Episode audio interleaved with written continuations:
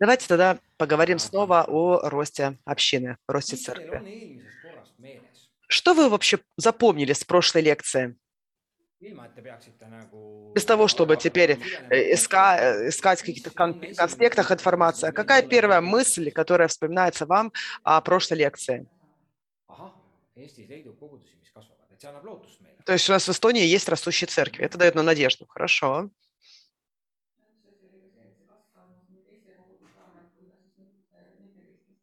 То есть церковь идет э, за счет как неверующих, так и за счет э, того, что приходят люди из других церквей.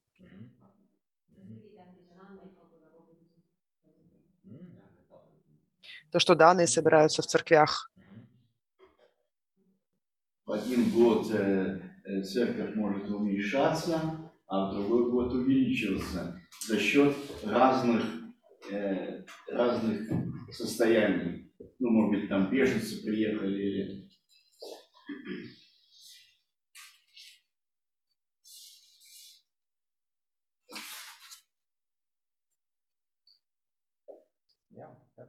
Угу, точно. И также исследовать рост церкви не э, хорошо исследовать на протяжении короткого времени, а нужно исследовать именно более длительный, длительный промежуток. Тогда можно увидеть нюансы, которые влияют на, на, допустим, уменьшение или на рост церкви.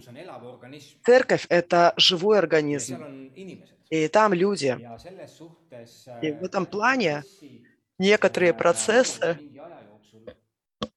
происходят как бы с какой-то определенной регулярностью, их можно оценивать адекватно.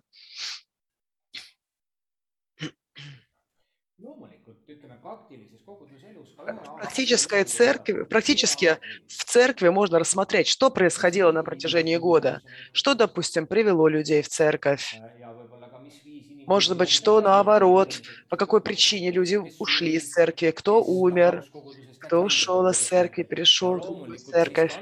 И, конечно же, можно проанализировать, что стало причиной этого процесса. Может быть, мы что-то можем изменить, может быть, мы можем что-то предпринять. Здесь есть очень много разных динамик, которые влияют на церкви. И исследуя церкви, хорошо, конечно же, учитывать это и рассматривать на протяжении какого-то временного отрезка. Что еще вам запомнилось?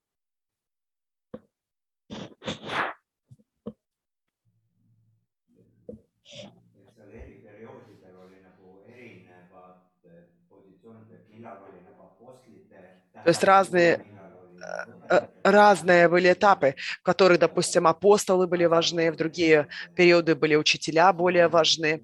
То есть разные инструменты имели определенную важность в разные периоды.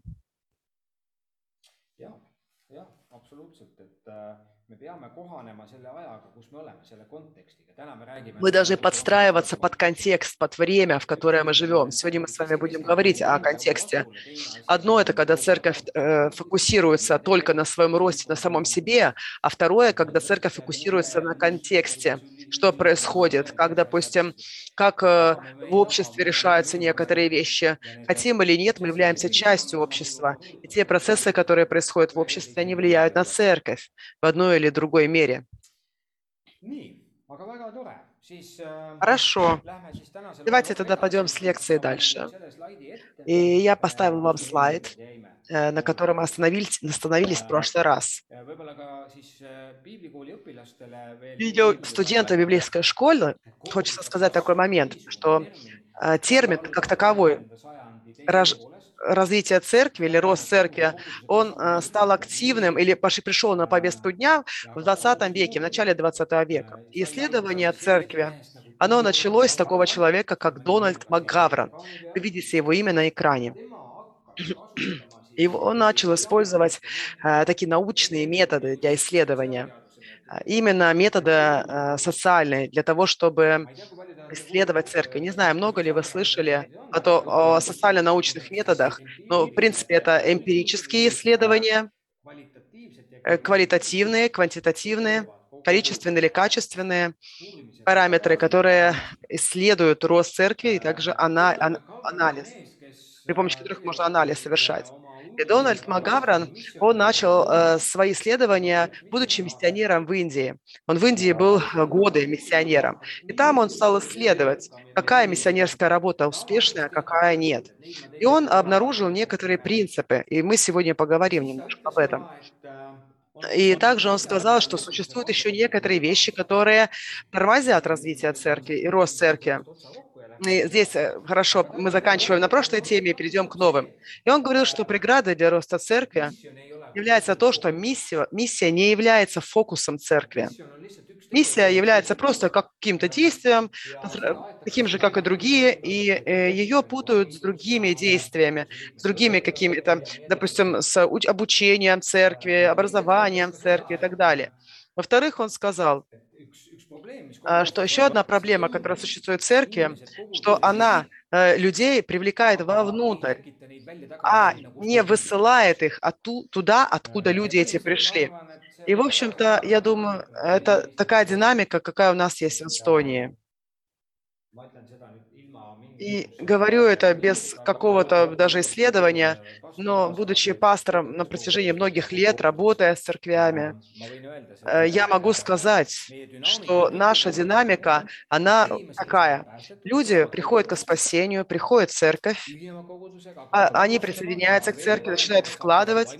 И э, хорошо, когда они воодушевляются, в том плане, что они такие, знаете, ну, воодушевленные, э, и проходит несколько лет, и когда я смотрю на этих людей, я, я, я видел на протяжении нескольких лет, да, что люди теряют контакты в мире. Э, дружба у них только в церкви, и они больше не дружат с мирскими людьми.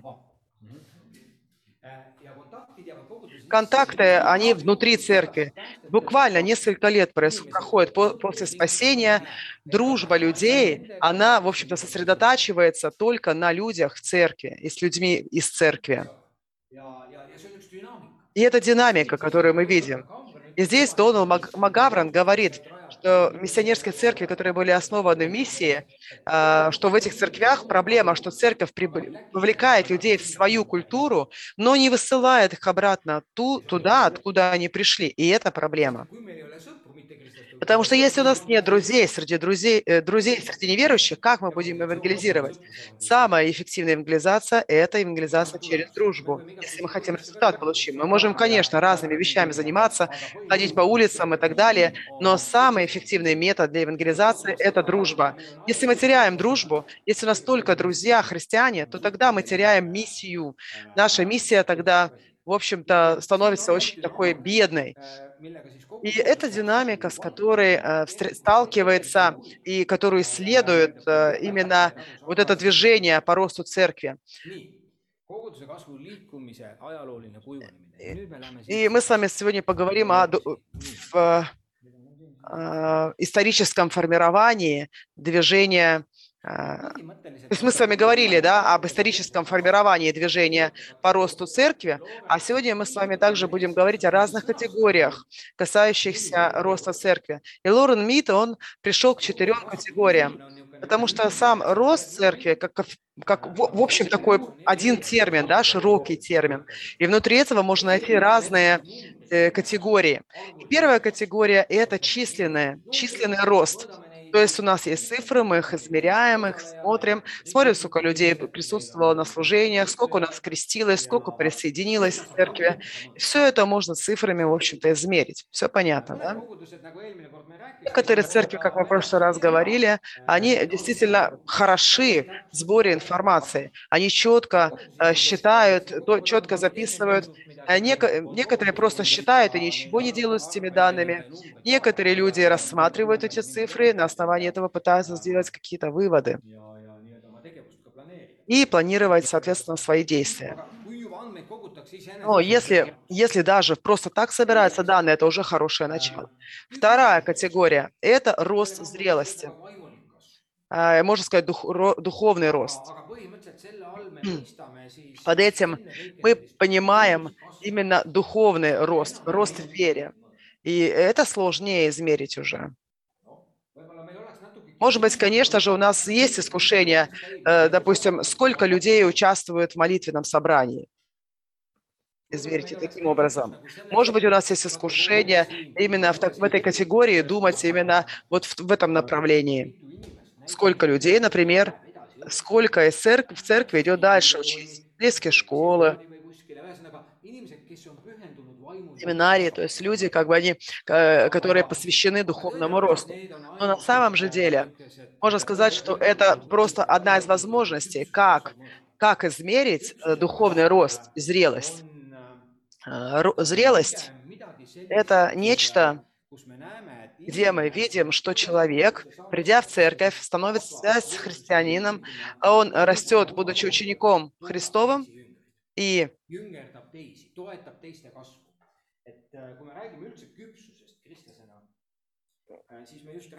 и он, в свою очередь, делает своих учеников.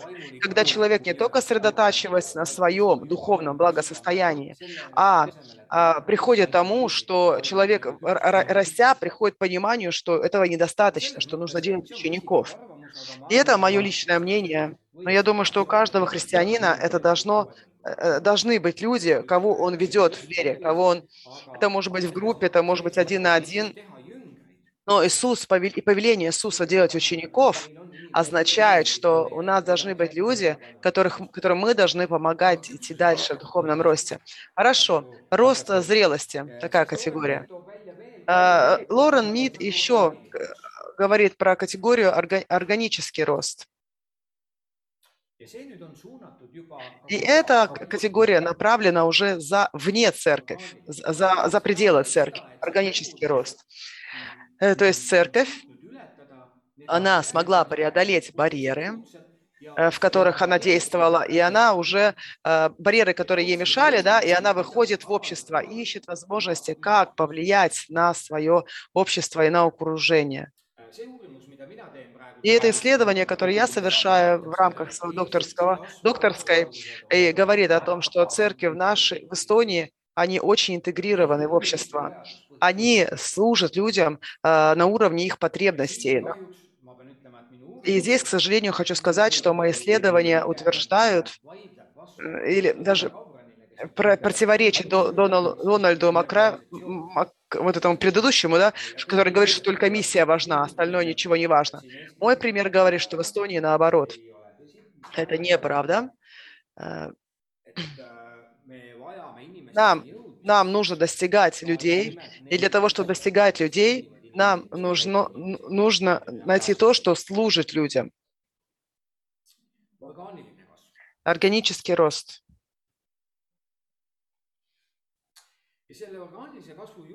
И э, что касается органического роста, то здесь категория важна э, рассмотреть, что происходит в церкви, как мы делаем вещи, как мы общаемся друг с другом. Органический означает также естественный, естественный рост. Это такое, это, это такой, знаете, процесс, который, э, который происходит внутри церкви без давления. И мы сегодня погов... мы будем говорить об этой категории еще в рамках в рамках здоровья церкви. Мы поговорим побольше немножечко. Э, и следующий рост, следующая категория, о которой говорит Лорен Мид, она более абстрактная, абстрактная более вот, общее понятие, это инкарнационный рост. Инкарнационный рост означает, и он как раз э, берет начало да, в слове «инкарнация», «стала плотью». Э, об это, это слово употреблялось относительно Иисуса, который, стал, который, будучи Богом, стал человеком и жил как человек. Он был частью на, нас, да, был с нами. И э, инкарнационный рост – это такая категория, где мы говорим о о усилении историй. Э, если посмотрим раннюю церковь, э, и на самом деле ранняя церковь и вообще все учение, как пришло к нам? Через историю. Через истории, потому что если посмотрим даже «Деяния апостолов», это, в общем-то, сборник э, историй о личностях каких-то, о действиях каких-то, о поступках. И вот эти истории, которые меняли жизнь людей, они стали сами говорить за себя. И вот это слово, оно усиливается через истории. Что это не просто, что как что-то произошло где-то, А эти истории, они начинают сами говорить за себя. И как результат мир, он может услышать, мир может э, смотреть, видеть, есть люди, которые обращаются, идут за этими историями, э, есть, которые нет. Мы видим это также в Деянии апостолов. Но, тем не менее, христианская церковь или община, они являются частью мира, частью общества именно со своим посланием, со своей историей.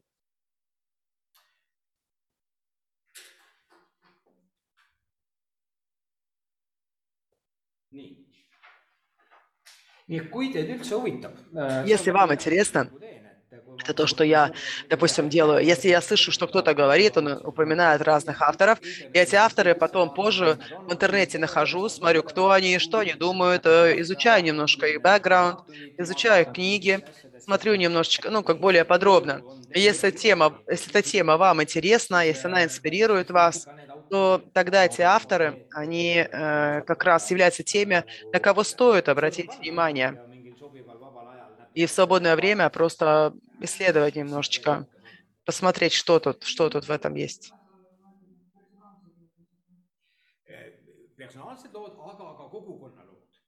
Э, то есть история... Э, и, в общем-то, да, мы можем увидеть эти истории как в пример в книге «Деяния апостолов».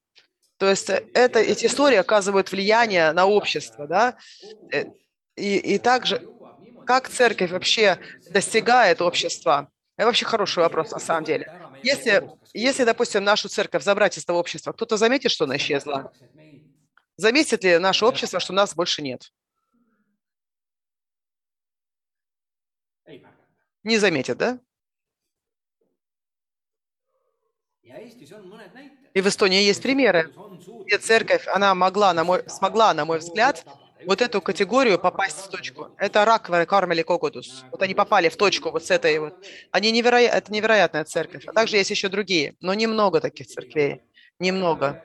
Ракверы, Кармели, церковь э, – это растущая церковь на протяжении последних 20 лет. Стабильно растет. Но у них есть, э, помимо э, численного роста, у них есть еще и другие категории, достаточно сильные, и в том числе инкарнационная. И нельзя сказать это относительно многих церквей в Эстонии. Э, не то, что они плохую работу делают, или мы, мы не даем оценку, да, хорошую или плохую. Но когда мы говорим о росте, мы говорим также и о росте инкарнационном. 3D-церковь, э, допустим, тоже смогла на широком уровне говорить. Она не просто росла, но также э, у них есть истории. И у них истории личные, истории э, их, их, их церкви, и как они размножались, так как является одним из старе, являясь старейшином э, 3D-церкви, у них очень интересный феномен в Юре несколько лет назад.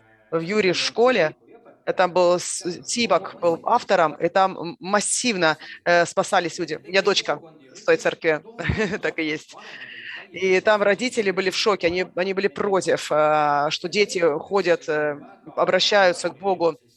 И это был болезненный процесс, но в то же самое время это, чуди, это чудеса, которые происходили там, э, в Юре. И как результат 3D, они, они они стали прям как будто, знаете, получили такой boost, да, такой вот, такой вот, эм, как я не знаю, для размножения, да, для расширения, благодаря вот тому, что происходило э, там. И можно сказать, что э, также также Lotus и Кюла, допустим, да, как пример, своей жизнью, своей презентацией, они тоже попали вот именно вот этот инкарнационный рост. С другой стороны, это, это непросто. Да. Здесь нужно, необходимо иметь определенный тип людей, определенную динамику, определенную синергию, которая начинает происходить для того, чтобы достичь вот этого роста. Человек не может один достигнуть. И только вместе, только команды, только в духе, по благодати Божией. И это так красиво наблюдать.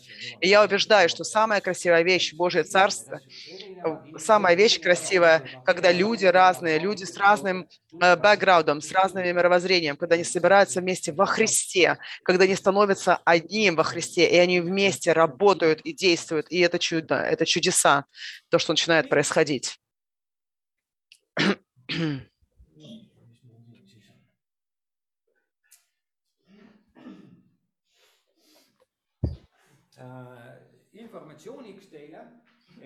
К информации, что к информации, что касается движения по росту церкви, то движение по росту церкви Донат Мак... Макал, забыл, как его зовут, он начал, он, он, он, он начал э, при э, теологической семинарии Фуллера. Фуллера семинария, она достаточно знаменитая в Америке, и при Фуллере началось вот это исследование церкви, исследование роста церкви. И вообще, э, на самом деле с Фуллера в семинарии начались многие процессы, интересные процессы, но изучение как раз роста церкви, оно как взрывообразно распространился, очень много фурора произвел, внимание к себе привлел, привлек. И и в, мы, мы, мы используем такое понятие, как Church Growth Movement, то есть движение по росту церкви. И именно вот такое понимание, такой термин вы можете увидеть в книгах. И главный, главный центральный вопрос вот этого движения заключался в таком вопросе, да, почему одна церковь растет, а другая не растет? Почему? Да, какая причина в том, что одна церковь растет, другая нет? Что стоит за ростом? Или что стоит с не ростом, да, за не, не, не ростом? То есть каждое исследование, оно всегда начиналось с вопроса, начиналось с проблемы. И, и, и главный вопрос в исследовании роста общины как раз заключался именно вот в этом вот в этом. И его озвучил как раз Дональд Магаврон. Что является причиной роста, что э, тормозит рост? Э, и потом он также задал такие вопросы. Какие э, тогда принципы или, или что, что позволяет, что позволяет э, рост церкви э, сделать движением? То есть э, движением, когда люди обращаются массово. То есть э, он, он говорил, что недостаточно, что люди по одному спасаются, а что приводит к тому, чтобы спасались толпы людей. Он говорил, что нам недостаточно одного даже человека, нам, хоч, нам нужны массы людей, чтобы они обращались. И потом он озвучил еще один очень важный аспект э, в виде вопроса и сказал, какие при, какие принципы по росту церкви повторяемы? Это, это так, что вот, допустим, ага, вот церковь растет, здесь, допустим, вот в этой церкви происходит происходят э, хорошие процессы, все двигается дальше. Возможно ли этот процесс рассмотреть подробно увидеть, в что, что, допустим, повлияло на рост и как нам перенести теперь. Допустим, в раковой церковь растет, посмотрим, что у них происходит, возьмем эти принципы, перенесем их в Киви или, и там, допустим, начнется то же самое. И он как раз спрашивает, какие принципы повторяемы, что можно перенести. Также это, конечно, включает в себя вопросы, какие принципы не повторяемы.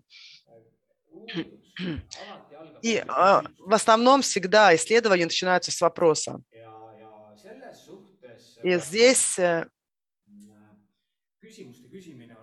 э, задавание вопроса, часто вопросов важнее даже иногда, чем даже нахождение ответов. Всегда задавайте вопросы. Очень часто у нас, даже сегодня в наших церквях, у нас, у нас такое ощущение, что у нас все ответы есть, вопросов нет. У нас, у нас ответы на все есть. А вот вопросы мы как-то не задаем в церквях.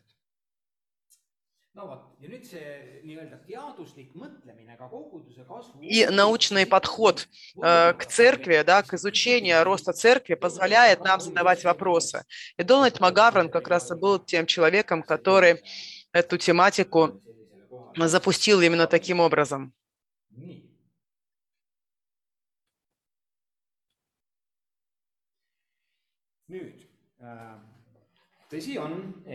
Э, также истина, что движение по росту церкви, особенно с Дональдом Агароном, а, а, сосредотачивался в основном на численной, на, чи, на, чи, на числах. И, и говорил о том, что ну, если церковь растет численно, все хорошо, аллилуйя. И он говорил, что Бог хочет, чтобы церковь росла. росла. То есть это была такая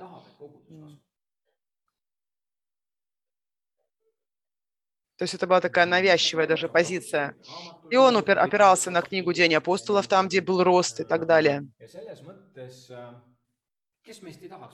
А кто, кто, кто не хочет, чтобы церковь росла? Я ни одного пастора не видел, кто не хотел бы, чтобы его церковь росла. Конечно, я видела пасторов, у которых, э, которым тяжело, у которых есть чувство вины, что их церковь не растет. Э, пасторы живут э, вот в этом часто что вот в переживании, что церковь не растет. Иногда они лично воспринимают это. Однажды я, я только начал исследовать, я звонил пасторам, говорил на эту тему и спрашивал, говорю, слушай, хочешь, я исследую, буду исследовать твою церковь? И один пастор в деревне, я звонил ему, и он сказал, нет, я не хочу, я не готов говорить на эту тему. И, и телефон положил, и все, и тишина. И я понял, что насколько это болезненная тема для него. Он живет в маленькой деревне, маленькой церкви. И поэтому чувство вины, которое пасторы носят, относительно роста церкви. Иногда бывает, пасторы сами, может быть, какие-то надежды строят для себя. Может быть, э, кто-то другой, допустим, как претензию, может быть, даже выставляет. Э, но для пасторов, на самом деле, эта тема болезненная, про рост, если честно говорить. Если церковь не растет, то пастору кажется, что это он виноват, что я не, не делаю что-то, я не справляюсь и так далее, и так далее. Честно скажу вам, а это не значит, это не всегда так, значит. Возможно, что в этом месте нет вообще э, численности, численно невозможно даже вовлечь людей. Здесь можно тогда другие категории использовать. Рост, рост, допустим, духовности или так далее, и уже на этом что-то делать. Э, допустим, также еще некоторые моменты, что в некоторых, в некоторых местах ты не можешь говорить о росте церкви даже. Э, допустим,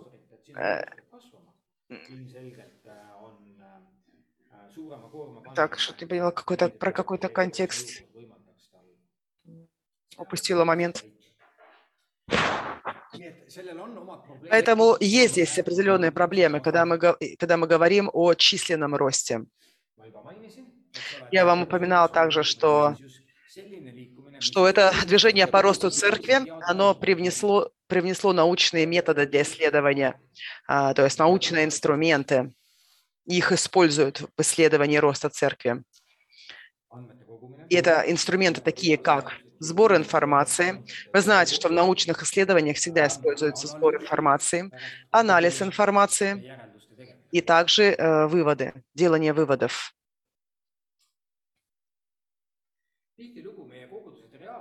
Очень часто церкви в реальной жизни, они настолько озабочены проблемами, и мало остается энергии, и желания, и готовности на самом деле заниматься вот этими процессами. Иногда бывает, в церквях также нет людей, которые способны исследовать хоть на каком-то уровне.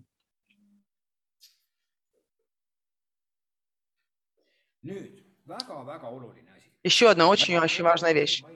Э, в самом начале я упоминал контекст, и здесь важно также учитывать, что при росте церкви существуют внутренние и внешние э, факторы.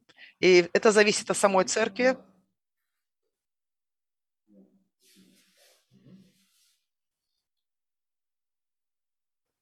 Moodle все слайды тоже должны быть. Там, по-моему, на русском тоже есть.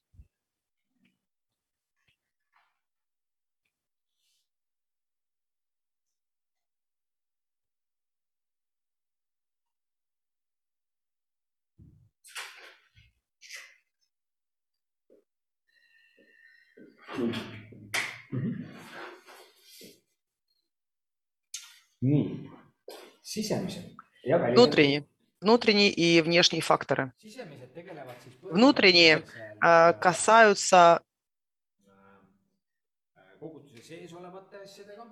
и занимаются внутренними вещами, а внешние, соответственно, тогда внешними вещами. Давайте посмотрим раннюю церковь. Что касается ранней церкви, а какие были внешние факторы? Что влияло на рост церкви в первые века? Это римский мир. У этого была большая роль, очень важная роль. Это события, которые подтверждают даже секулярные, секулярные источники. То есть Римская империя, она смогла создать э, такое, такую атмосферу в Римской империи, империи э, где был мир, и там могли избега, избегали э, ми, войну. То есть такой римский мир, да, как таковой. И это поддержало распространение Евангелия. Вторая вещь, э, допустим, что, что говорит здесь э, автор, это свободная торговля. Свободная торговля в рамках Римской империи. Причем это была активная, активная торговля. Экономика, она росла. Иногда я слыш, слышу, э, люди говорят, ой, эстонцам, эстонцам нужны тяжелые времена, и тогда они обратятся к Богу. Я, честно говоря, не верю в это.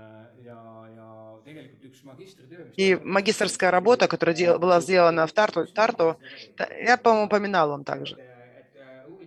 Исследовали, что говорится, что в шахтах нет атеистов. На самом деле исследование подтвердило, что в шахтах люди все равно остаются при своих убеждениях. Они даже больше каменеют, эти убеждения.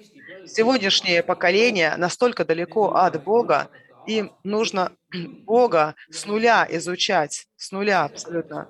Поэтому, когда мы говорим о пробуждении как таковом, нам мы должны понимать, что такое пробуждение, что мы подразумеваем под пробуждением. Мы не можем говорить о классическом пробуждении. Эм, пробуждение – это, это очень часто бывает это пробуждение от чего-то, да, то есть люди э, как бы ну, возвращаются или что-то, а тут люди даже они не возрождены. И свободная торговля, также э, развитые дороги – то есть социальные факторы, они очень стимулировали рост церкви, ранней церкви, и стимулировали распространение. Мы видим же, Павел, он много пешком ходил, э, и он э, на кораблях пешком, и там была очень активная социальная жизнь в Римской империи. Теперь у нас пауза. Последний пауз, по, по пункт скажу, это э, гонение христиан.